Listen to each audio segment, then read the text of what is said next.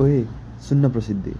म आज नि त उठेको पृष्ठभूमिलाई धेरै माया दिएर आएको। बालापनको तिन वर्ष अनि सारा किशोर अवस्था व्यतीत गरेको ठाउँ। चुनिएका मानिसहरू मात्र प्रिय लागे पनि मेरा हरेक याद भने प्रिय नै लागे। मैले आज तेरो अबोध खुसीको स्मृतिलाई यो छातीमा लिप्त गरेर आएको। मसँग जोडिएका प्रकृति त सारा उस्तै नै थिए। अबोध बिल्कुल सानोको म जस्तै तर व्यक्तिहरू भने बदलिएछन्। व्यक्तित्व त मेरो उही नै थियो तर म प्रति दर्शाउने उनीहरूको स्वभाव अलि विपरीत पाएँ। मैले दस कक्षामा हुँदा आठ सात कक्षामा पढ्ने निर्मल भाइले बिहे गरेको त एक वर्ष अघि नै थाहा थियो तर बच्चा पनि पाइसकेछ। मेरो दिपक भाइ जो निर्मलको दाई थियो उसले पनि श्रीमती ल्याइसकेछ। अनि बजारमा श्रीमतीसँग झुल सिलाएर निर्वाह गर्न थालिसकेछ। पढ्ने मानिसहरू किन यसरी बिग्रिएछन्? दिपक भाइ घरमा त थिएन र साह्रै माया लाग्थ्यो। उसको मुटुमा झिल्ली बसेर अपरेसन गरेको याद छ नि तँलाई? अनि ट्युसन पनि पढाएको याद छ? उनीहरू पनि बदलिएछन्। दाइ आउँदा पहिलेको जस्तो बोलीमा हुने तत्परताको कमी थियो। हुन त पब्जी खेल्न नै अभ्यस्त भएर होला। लाइभ स्ट्रिमिङ गरिरहेको छु दाइ भन्थ्यो।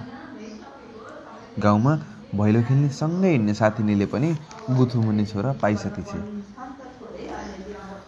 डिक्की दिदीको बाबालाई क्यान्सरले पीडित बनाएछ। अनि सबै बाटो पिच बनिसकेछ।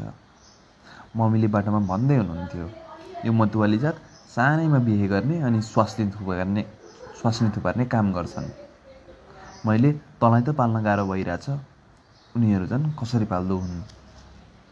मेरो मनमा प्रेमको बीज उमार्ने उसलाई भने यो आँखाले पल पल चिहाइरहन्थ्यो सायद यही बाटो हुँदै निस्कन्छ कि?